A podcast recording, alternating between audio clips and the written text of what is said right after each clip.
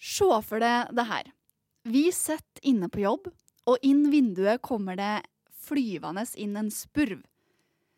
Forvirra så susa den rundt inne på kontorlandskapet, og de norske setter i gang med en gang for å prøve å få ut den søte fuglen. Vi laga slagplaner for hvordan det her skulle gjøres, og folk springer rundt for å finne pledd og andre redskaper som kan hjelpe til med å få fanga denne spurven. Det oppstår rett og slett kaos på Barentssekretariatet. Ja, og det her eskalerer, skjønner du. Fordi de russiske ansatte de er helt imot at fuglen skal reddes. Og de avbryter redningsaksjonen med å si at fuglen, den må dø. Du mener at de ville drepe fuglen? Ja, og jeg gir jo beskjed om at det her er det dummeste jeg har hørt. For jeg nekter å knekke nakken til den livredde spurven, og det får ingen andre heller lov til. Og da håper de bare på at den dør av seg sjøl, som den forresten gjorde, fordi den fløy inn i et sånn glassvegg tre ganger. Veldig tragisk. Og kraftig irritert så spør jeg hvorfor i huleste må den dø? Men grunnen til at den må dø, det er fordi at eh, de russiske sier at det kan få dramatiske følger om den slippes ut i livet. Dette er ett eksempel på surrealistiske situasjoner som oppstår på den norsk-russiske grensa, når ulike kulturer møtes og blandes i en herlig cocktail. Du hører på podkasten Helt på grensa. Jeg heter Anja Zalo. Og jeg heter Amanda Aasberg. Denne episoden skal handle om overtro. Vi skal prøve å forstå hvorfor overtroen fremdeles spiller så stor rolle på den russiske sida av grensa. Vi skal snakke om den russiske skjebnetruen, og hvorfor den innvirker på folks dagligliv og innstilling til politikk og medvirkning i dagens Russland.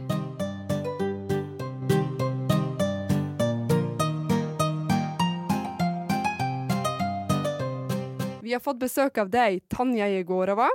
Du er same fra Kolahalvøya og jobber på Barentssekretariatet i Murmansk. Velkommen til oss. Hei. Tanja, vi må bare starte med å snakke om den fuglen. Hvorfor måtte den dø? Ja, vi sier egentlig at uh, fugl er en budbærer. Så det kan være en sjel av en avdøde person, eller det kan bringe deg lykke. Uh, så ja. Uh, det hva jeg har lært. At man skal avlive fuglen. Fordi den bringer informasjon om at noen skal dø. For å unngå det. Men egentlig det som jeg har hørt her i Norge, at man skal ikke bare avlive stakkaren, men man skal kaste den levende i en spis, i en uh, ovn. Altså, I en steikeovn. Ja. Det har jeg aldri hørt om. Men Tanja, har du noen gang opplevd det her? Ja, eh, det har hendt med meg en gang Innen eh, min mormor dog, så fikk jeg fugl på mitt rom. Men jeg var ganske ung da, og så visste jeg ikke riktig hva man skulle gjøre med den fuglen. Og så en historie med tremenningen min. Hun, skulle, hun og mannen skulle reise til eh, Murmansk, og hun har fått to fugler på sitt rom innen de skulle reise. Og hun avlivet dem, ja. Okay. Og da de kjørte til Murmansk, så havnet de i en veldig dårlig bilulykke og overlevde av en sånn mirakelting. Ok, Så de tenker da at siden hun tok livet av den fuglen, så overlevde de eh, den bilulykka. Men er det ikke litt enkelt å bare tenke at alt som går galt, skyldes den fuglen? Ja, kanskje det er like enkelt som å skylde på djevelen. Eh, det er et budskap, et varning til deg, så ikke skylder man på en fugl eh, for, for noe som har hendt.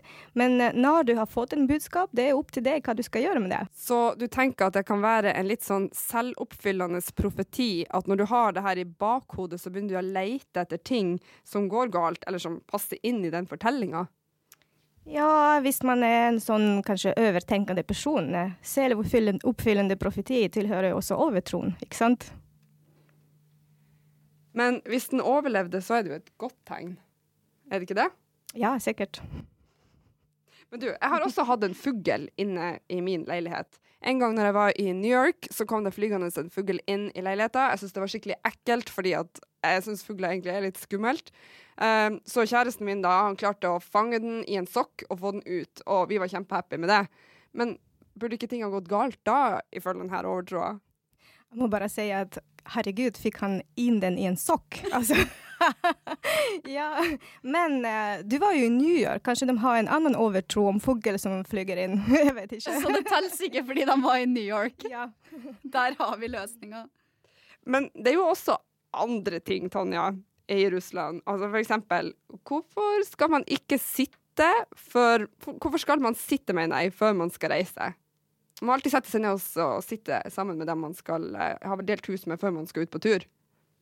Jo, eh, det er fordi at man skal ikke glemme noe. Altså, Før i tida så trodde man at hverandre hus har en sånn hustomte. En nisse, en husnisse. Hus, husnisse, ja. Og, og når man pakker, så skal man egentlig se høyt ut hva man skal pakke med seg, så den hører. Og innan man reiser, så setter man seg ned eh, og har en sånn lugn stund. Og da kan nissen hviske i ditt øre hva du har glemt. Eh, OK. Det, men gjør dere det her? eh, Jeg vokste opp med det. Vi gjorde det, familien gjorde det, men jeg gjør ikke det nå. For jeg, jeg tror ikke på det. igjen. Men jeg har hørt om russere som gjør det i dag også. Men en annen ting, fordi jeg ble veldig forvirra en gang da jeg skulle hilse på en russer. Fordi jeg strakk ut handa på høflig vis, men han ble helt rar. Og han tok ikke hånda, og så flytta han seg litt lenger bort. Og så tok han hånda mi og hilsa. Og da forklarte han at det var fordi at jeg helsa over dørstokken. Ja, det får man absolutt ikke gjøre. Eh, Det brinner ulykker, og man kan være, bli uvenn hvis man hilser over dørstokken. Så man skal ikke overføre noe over dørstokk, og ikke hilse over det. Eh, fordi at uh, um, altså, dør og dørstokk den bærer en sånn veldig spesiell energi. Og den er et utgang til to verdener. Oh, ja. Altså en verd som er inni ditt hus, som er veldig beskyttende for deg, og den verd som er utenfor. Og der kan det være både god og dårlig energi. Så man skal ikke tulle med dør, dørstokk vet du, i Russland. Nei, det har jeg forstått. Og det er jo enda flere ting fra det russiske som har overraska meg. For eksempel det at jeg ikke må rydde eller vaske før eh, russerne har kommet trygt hjem til Murmansk. Altså, jeg har hatt besøk, og de skal dra. Og så må ikke jeg da rydde og vaske før de har dratt hjem. Hvorfor, hvorfor er det sånn, egentlig? Jo, därför at det påstås at hverandre gjest, hverandre person som er på besøk hos deg, når den går så lemner den, han eh, eller hun sin energi efter sig som försvinner inte så fort som själva kroppen. Så hvis du städar direkt efter gästerna har gått, det vill säga du jagar bort dem på ett väldigt ohyggligt måte. Och, och kanske det också har en sammenheng med den traditionen i Ryssland att man ska vaska golvet efter någon har dött, Etter man har burit ut en død kropp fra huset. Så det er et dårlig tegn. Du kan på en måte nesten ønske vedkommende død hvis man begynner å vaske før de er kommet trygt hjem. Ja, det stemmer. En annen ting som jeg syns har vært litt sånn interessant med deg, Tanja, det er at du syns at det er litt sånn ekkelt at jeg kjøper smykker og klær på Fretex. Hvorfor det, det er ikke helt greit? Ja, fordi jeg vet at på Fretex så bruker man å selge eh, saker og ting, klær og alt mulig, av, av, liv, av, liv, av, døde, av døde folk. Og det bruker man ikke å gjøre i Ryssland. Eh, og smycke og sånne greier, den bærer jo energi av personen som har hatt den. Så ja, i Russland så bruker vi gi bort uh, tingar og klær av, av, av, döda personer til eh, de som trenger det, til de fattige. Det er en kirketradisjon. Ja, egentlig det er en kirketradisjon. Altså, klærne og de her tingene for at de døde skal gis til de fattige fordi det har dårlig energi. Så det betyr da at de, har, de er så langt nede at det ikke kan bli verre for dem. For du sier at man ønsker å unngå dårlig energi sjøl, og derfor så må man få det bort, men man gir det likevel til de fattige. ja. Jeg kan tro at uh, via det at det er faktisk en kyrkotradisjon, så kanskje disse ting blir valsignet Ja, av kyrka. for det høres jo litt fælt ut Ja. hvis man snakker om det i den konteksten. Men Tanja, hva med at jeg går eh, med ringen til min avdøde bestemor, da? Ja, men altså, det er opp till en och hver. Du kan gjerne gärna ha den på deg og ha, uh, ja, nyte av den hvis du ikke kjenner at det er dårlig for deg. Men eh, vi russerne da uh, skal helt sikkert ikke bruke uh, noe, noe av dem av eh, um, de som er døde, og even om det er din mormor eller noen av dine slektninger. Ja, fordi for meg, så, og sikkert veldig mange andre, så er det å ha arvegods eller smykker fra noen som, som man er veldig glad i, og som er død, utrolig viktig. Og den ringen jeg har etter farmora mi, den er jo det fineste og kjæreste jeg har. Men den burde jeg kanskje ikke ha på, er det det du prøver å si? Eh, nei, altså, som jeg sa, du kan bruke det hvis du kjenner at det er bra, men hos oss er det jo sånn at man kan erve et uh, skjebne av den personen. At man kan helt enkelt uh, repetere livet av den personen. OK. Det er i hvert fall helt tydelig at overtro spiller en eh, stor rolle i vanlige russere sine liv.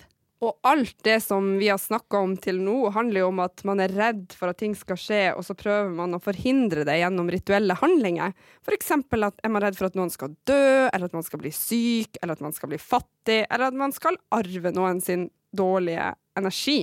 Ja, men det er selvfølgelig forskjell mellom, mellom uh, russerne. Eh, ikke alle er så overtrolige. Men uh, det er en større aksept Eh, i Russland for å være overtroisk enn det er i Norge. Det tror jeg faktisk du har rett til. At det er en større toleranse for å være åpen om det her, i hvert fall i Russland. Hvorfor tror du at det er sånn at så mange i Russland er overtroiske og faktisk tror at det her er reelt? Jeg tror at en forklaring kan vi nok se i Russlands historie og hva folk opplevde gjennom flere hundre år. Eh, det skiller seg veldig fra f.eks. norsk historie. Vi har en brutal historie og flere generasjoner som vokste opp i, under tøffe regimer. Og For å forklare overtroen må man analysere utvikling av kristendom og den politiske og sosiale eh, prosesser som foregikk i Russland. Så F.eks. Russland brev kristen eh, 988. Og kristendom satte seg fast ikke så fort. Fordi at det er så svært land og Ja, mm. ikke sant. Så det oppstod en, en, sånn ting som dvoiverie. Hva det betyr? Uh, dvoiverie betyr en sånn dobbeltro i Russland, der man var faktisk kristen, men samtidig så trodde man på det gamle sloveniske guder og ritualer.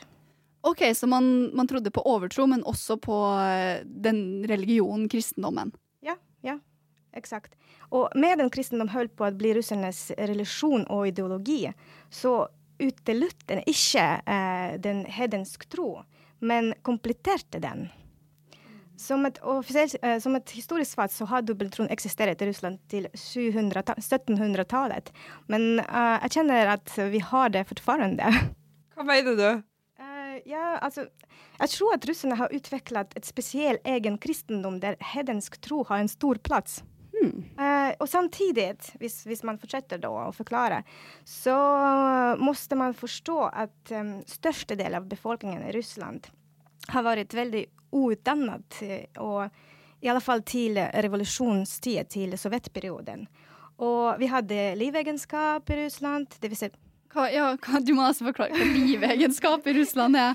Ja, det vil si at bøndene den største uh, mengden folk, bøndene, de var tilknyttet til sine herrer, til, til deres mark. Og det, det, det skjedde enda til uh, året 1861, den, der da tsar Aleksander 2. opphevde liv, livegenskap. Og bøndene ble fri, men samtidig så var ikke russiske eliten klar til å slippe taket, og ikke klar til å reorganisere landet og samfunnet til, til, et fungerende system. Så uh, man kan si at uh, Aleksanders andre reform ble en sånn uh, push til store revolusjonen 1917, da arbeidere og bønder tok over makten. Men det betyr samtidig at det at bøndene var en del av livegenskapet, gjorde at de gikk glipp av opplysningstida der man liksom var veldig opptatt av fornuften. Kan det henge sammen? Ja, definitivt. Det tror jeg. Og, um, og det som hendte etter oppdrettelse av Sovjet, eh, kristendom ble faktisk forbudt. Altså det ble forbudt å gå til kirka, det ble forbudt å gå til uh, å be til Gud. Så kirkene ble til forråd, man bygde basseng i kirka, alt mulig. Og det som uh, russiske befolkningen valgte, eller var tvungen å gjøre, det er jo bare å tro på den sovjetiske ideologien. ikke sant? Ok, Så du mener faktisk at Sovjetunionen bidro til å, å forsterke overtroen i Russland da? Eller altså, de trodde på den sovjetiske ideologien, det var deres store ja. tro, da? Ja, men det er en politisk ideologi. Man må jo også tro på noe som eh, supernaturlig. Sånne, uh, sånn, sånne ting. Man må jo forklare ting i naturen. Så ja, jeg tror at, at sovjetperioden har forsterket det. Og så, og så sen eh, en annen vi, vri historiske hjulet på 90-tallet, da Sovjetet brøt opp. Altså folk, f.eks. min mormors og min mors generasjon, ble veldig forvirret. For at uh, alle dogmer og den sovjetiske ideologien ble plutselig til en tom luft. Og det ble sånn her anarkisk situasjon i Russland på det tallet. Og jeg var jo så heldig. Jeg var um, tenåring presis på den tida og vokste i Russland. Jeg så på TV, minns jeg, at når Jeltsin satt på en tank og kjørte i Moskva og vinket til folk, og jeg tenkte aha, nå kommer det å skje noe, nå blir det endringer her. Så ja, forestill en storstat, russisk imperium, mm. uten ideologi. Uten verken sterk kristendom eller sovjetisk ideologi. Uh, og på den, ja, på den tida bruker det komme sånn her masse usanne tro, masse usanne profetier. Så Man leter etter noe å tro ja. på, noe å forklare sin hverdag ja. på. Ja. Og vi hadde, og vi hadde masse sånne TV-programmer med mediumfolk. Medium, det vil si altså sånne synske mennesker? Ja, synske folk. Folk som kan heale. Det, det fantes en som jeg kommer ihåg navnet ennå, Korsbirovskij. En medium som healade folk via TV. Og, og uh, man hadde jo bare to kanaler i Russland på den tida, og uh, ja, varenda kanal viste en eller annen medium, så man liksom, hvis man skulle se på TV, så så man på det. Så det var virkelig viktig for det russiske folk da å ha noe å tro på, men det var fullstendig kaotisk? Ja, det var det. Mm. Og du mener at det her er en måte å forklare overtroen i Russland på? Ja, absolutt. Definitivt. Jeg tror det. Altså, folk leter etter noe å tro på, etter en mening. Og hva er det da som skjer med folk? Ja, du vet, eh, største mengde befolkning ikke lærer seg å tenke sjøl eh, i løpet av historien, ikke ble vant til å delta i eh, beslutningsprosesser. Og overføring av kunnskap fra generasjon til generasjon ble også borte. Fordi det eh, min mamma lærte seg, f.eks. under sovjetperioden, den ble jo tom luft. Ja, fordi nå var Sovjetunionen oppløst, og det var ikke det man skulle forholde seg til lenger. Ja, og det var ingen ideologi i landet. Ingenting uh, å holde seg til, ingenting å se fram mot. Men hva lærte hun det, da? Ja, hun, altså, eh, med tanken på eh, den brutale historien hva folk overlevde i Russland. Så hun har sagt til meg alltid ikke legg seg i noe. Ikke legge seg i det politiske, ikke prøve å endre verden, for det kommer ikke skje. Du, du skal ikke bli aktiv politisk eller ytre det? Ja, for at noe dårlig kan skje med meg da. Ja. Hvordan, hvordan, hadde folk det da? Hva tenkte folk da når det ble sånn som det ble? Ja, uh, det Man forklarer jo alltid så, det med sin skjebne liksom uh, Saker og ting skjer med deg fordi at det er ditt skjebne. Det er skriven sted at sånn skal det være, og du kan ikke påvirke det. Det forklarer jo kanskje hvorfor skjebnetanken står så sterkt i Russland. Ja, jeg har blitt overraska mange ganger av mine venner i Russland som ja, har blant annet noen venner som har sagt at de ikke kan forandre sin eh, skjebne fordi at de har et navn, f.eks. det samme navnet som bestemora.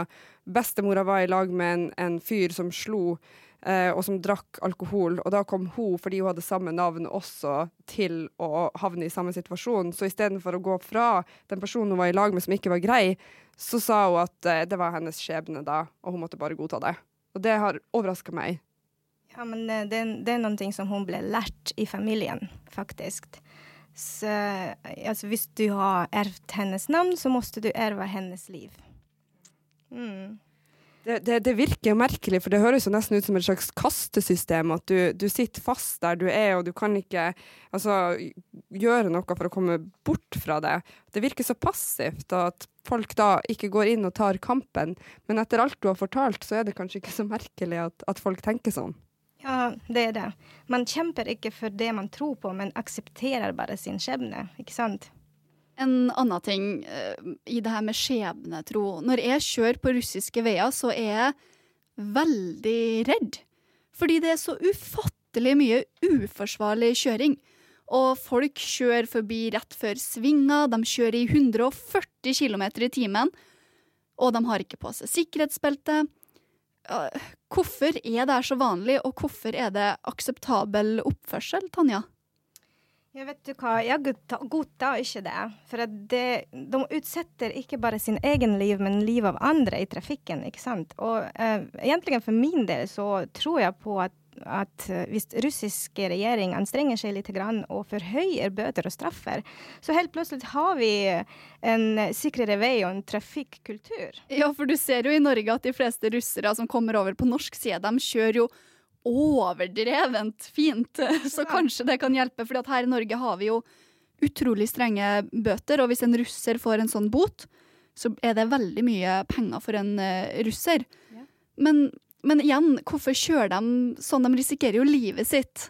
Ja, det er faktisk veldig svårt å forstå, den råkjøringen. Men kan forklares faktisk med tro på skjebne. Uh, vi har jo gammelt russisk ordtak. Du kan ikke bare forstå Russland med fornuftet, men du må forstå den med troen. Ja, det er jo et litt uh, passivt ordtak, for det går jo an kanskje å forstå russerne og hvorfor de handler sånn som de gjør. Har jo, de har jo vært gjennom mye dritt opp gjennom historien som de bare har måttet godta og akseptere. Ja, og akkurat det som du sa, Tanja, i sted. Sovjetunionen gikk i oppløsning, og så falt hele verdensbildet sammen. Alt man hadde lært om historien og verden, gjaldt ikke lenger. Og det er ikke rart at folk da begynte å lengte etter noe å forklare verden ut ifra. Det er veldig lett å, å ty til skjebnen for å fortolke og forklare hvorfor livet er som det er. Det tror jeg, etter at du har fortalt oss det du har gjort. Det er jo ikke sikkert at det her er årsaken til at russere er overtroisk, men en mulig forklaring kan jo da være Russlands brutale historie. Men hva nå, da? Hva, hva fremover? Har du tro på at dagens ungdom kan unngå den passive skjebnetroa og bidra til endring i Russland?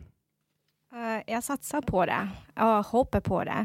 For at uh, uh, man vil jo virkelig at de som skal bygge nye stat, skal tenke på en annen måte. Og det er ganske logisk at nye generasjoner tenker på en ny måte.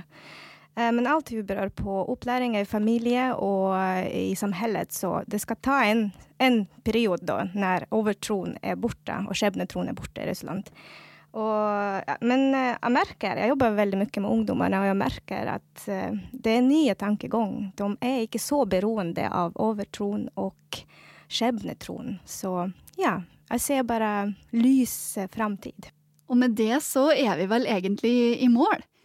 Jeg syns det har vært kjempefint å ha det her i studio, Tanja. Tusen takk for at vi har kunnet snakke om de her artige og finurlige historiene på en morsom måte. Jeg syns også vi har lært veldig mye om den russiske historien av deg, og det har vært veldig lærerikt og spennende å se de her to tingene i, i samme kontekst.